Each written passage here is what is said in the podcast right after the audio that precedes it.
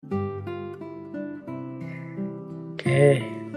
kita awali dari pembacaan kita dari Pararaton lagi dari serat Pararaton. Ini seratnya ini sebenarnya tidak terlalu tebal. Jadi meskipun sebagian besar cerita kalau di serat Pararaton itu tentang Ken Arok dan Singosari. Pararaton itu isinya sekitar seribu seratusan baris.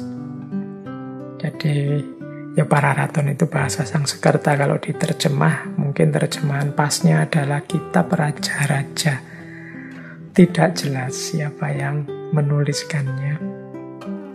Tapi ada penelitian yang bilang kitab ini ditulis di akhir-akhir era Mojopahit. Jadi isinya diawali dari kisahnya Ken Arok. Jadi yang mendirikan Singosari. Ini seperti saya sampaikan tadi di Pararaton itu banyak sekali mitos-mitos sehingga beberapa uh, apa kita menyebutnya orang-orang barat yang meneliti serat ini itu sering kebingungan. Ini mana yang fakta mana yang sisipan mitos-mitos tadi. Baik kita tidak sibuk di situ malam hari ini. Ini tugasnya mungkin teman-teman yang jurusan sejarah atau mungkin yang ahli-ahli untuk meneliti masa lalu, mungkin antropologi, arkeologi, dan lain sebagainya.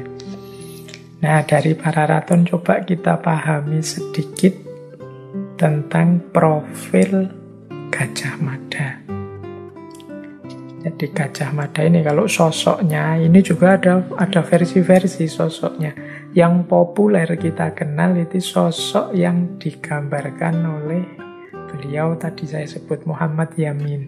Jadi Pak Pak Yamin ini menggambarkan Gajah Mada itu tinggi, besar, gagah, pokoknya atletis, wajahnya persis di patung-patung atau di gambar-gambar yang kita kenal hari ini. Nanti ada juga versi yang menggambarkan Gajah Mada itu kumisnya tebal. Ada juga yang bilang Gajah Mada itu ya sosoknya biasa saja kayak orang Jawa zaman dulu yang yang tidak seatletis itu, segagah itu, beda dengan orang-orang Eropa. Tapi meskipun tidak sebesar segagah itu, tapi prestasinya luar biasa. Kedahsyatan-kedahsyatan yang dia hasilkan juga tidak kalah.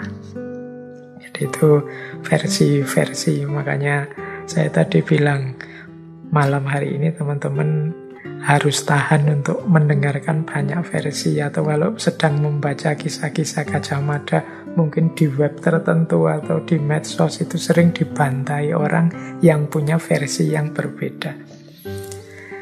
Baik kita lanjutkan ya ke bisnis utama kita malam hari ini yaitu meneladani tokoh Gajah Mada. Nah di catatan saya kalau berdasarkan naskah para raton Gajah Mada ini sosok yang bertanggung jawab, kemudian tegas, kemudian cerdas, kemudian setia, kemudian tahu diri. Ya, kemudian dikagumi sekaligus ditakuti. Dan yang terakhir tidak tergantikan. Ini ini secara umum ya. Ini kalau ada tokoh yang seperti ini hari ini, pilih saja jadi pemimpin. Oh ini luar biasa cirinya. Kalau ini kan lima enam apa tujuh ciri yang luar biasa. Yang pertama tanggung jawab.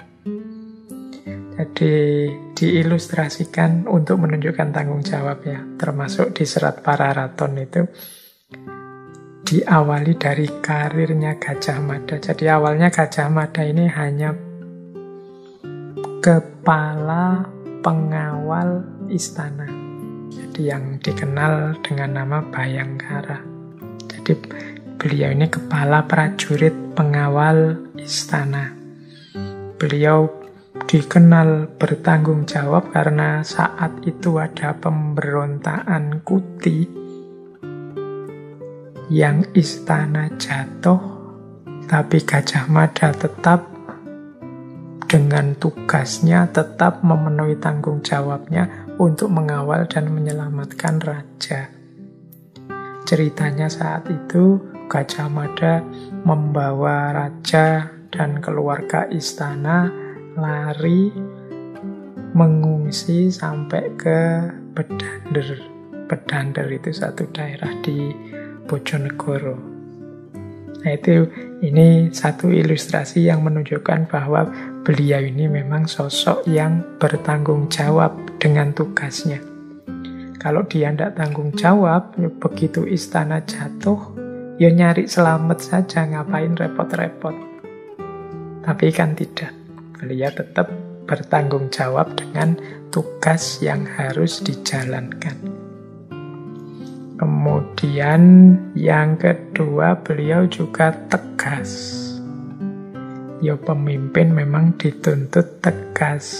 Tidak boleh mencela-mencele, tidak boleh serba ragu. Ini kalau di Pararaton diilustrasikan misalnya melanjutkan tadi yang ngungsi. Saat mengungsi itu ada seorang pengalasan. Pengalasan ini sebenarnya prajurit khusus, prajurit rahasia yang tugasnya biasanya menyampaikan info atau menyampaikan surat. Nah, pengalasan ini saat dia ngungsi di Bedander izin pada Gajah Mada untuk pulang. Ini menurut pertimbangannya Gajah Mada ini ini kita sedang ngungsi kok dia malah minta pulang.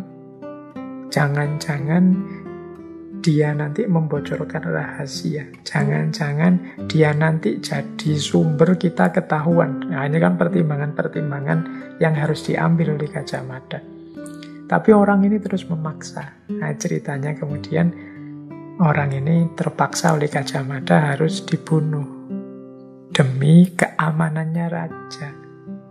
Khawatir kalau ada pengkhianat nanti mengatasinya lebih susah. Nah, ini salah satu contoh dari serat para raton tentang ketegasannya Gajah Mada. Kemudian yang ketiga cerdas. Ini tidak perlu dijelaskan lagi ya kecerdasannya. Yo Contohnya tadi saja kita lanjutkan. Jadi istana jatuh, beliau membawa raja dan para keluarga istana ke Bedander. Setelah itu beliau balik lagi ke istana, mengumpulkan orang-orang yang masih setia kepada raja. Kemudian dengan strategi tertentu karena kecerdasannya tadi, Akhirnya beliau, kalau dalam sejarah, tidak lebih dari seminggu berhasil mengembalikan tahta lagi kepada rajanya. Saat itu ya rajanya Jaya Negara. Jadi ini salah satu bukti bahwa beliau ini pemimpin yang cerdas. Beliau dikenal punya wawasan yang luas dan juga cerdik. Ini itu ilustrasi yang bisa kita ambil dari cerita ini tadi. Kemudian beliau ini juga dikenal setia. Kalau ini yang tidak perlu kita uraikan panjang lebar kesetiaan beliau pada kerajaan, satu cinta tanah air yang luar biasa.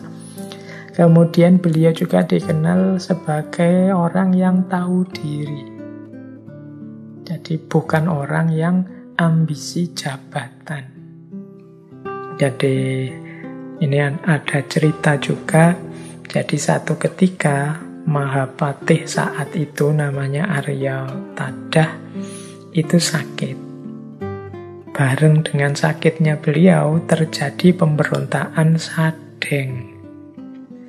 Nah, Gajah Mada ini sebenarnya sudah dinominasikan beliau calon kuat untuk menggantikan Arya Tada. Tapi kemudian ketika beliau ditawari untuk mengganti Aryo Tada, Gajah Mada menjawab, saya baru akan menerima jabatan itu kalau saya berhasil mengatasi pemberontakan Sadeng.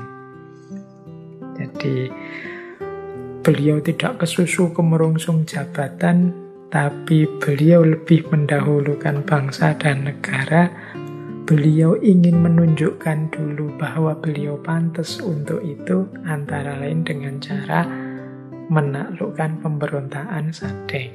Berarti kalau nanti beliau diangkat jadi Mahapatih ya bukan karena relasi atau kenal orang dalam atau kelompoknya siapa atau hanya karena dekat dengan Aryo Tadah karena memang beliau dikenal dekat dengan Patih Aryo Tadah tadi tapi karena memang prestasinya luar biasa. Jadi tidak ada orang yang keberatan nantinya ketika beliau diangkat jadi Mahapati. Selanjutnya ada juga ciri yang populer sekali bahwa beliau ini dikagumi banyak orang. Kekaguman itu dimulai sejak beliau man Cang sumpah yang kita hari ini masih hafal yaitu sumpah palapa. Dan pada akhirnya upaya-upaya beliau untuk mewujudkan sumpahnya membuat Mojopahit jadi negara besar yang ditakuti. Kalau ini tidak diragukan lagi. Jadi bagian dikagumi dan ditakuti itulah ada penakluan-penakluan besar menyatukan Nusantara di bawah atapnya Mojopahit. Itu ciri yang keenam. Kemudian ciri yang ketujuh, beliau ini adalah pemimpin yang tidak tergantikan. Pemimpin yang tidak tergantikan itu pemimpin yang ketika dia pergi atau tidak menjabat lagi, orang kebingungan mencari gantinya.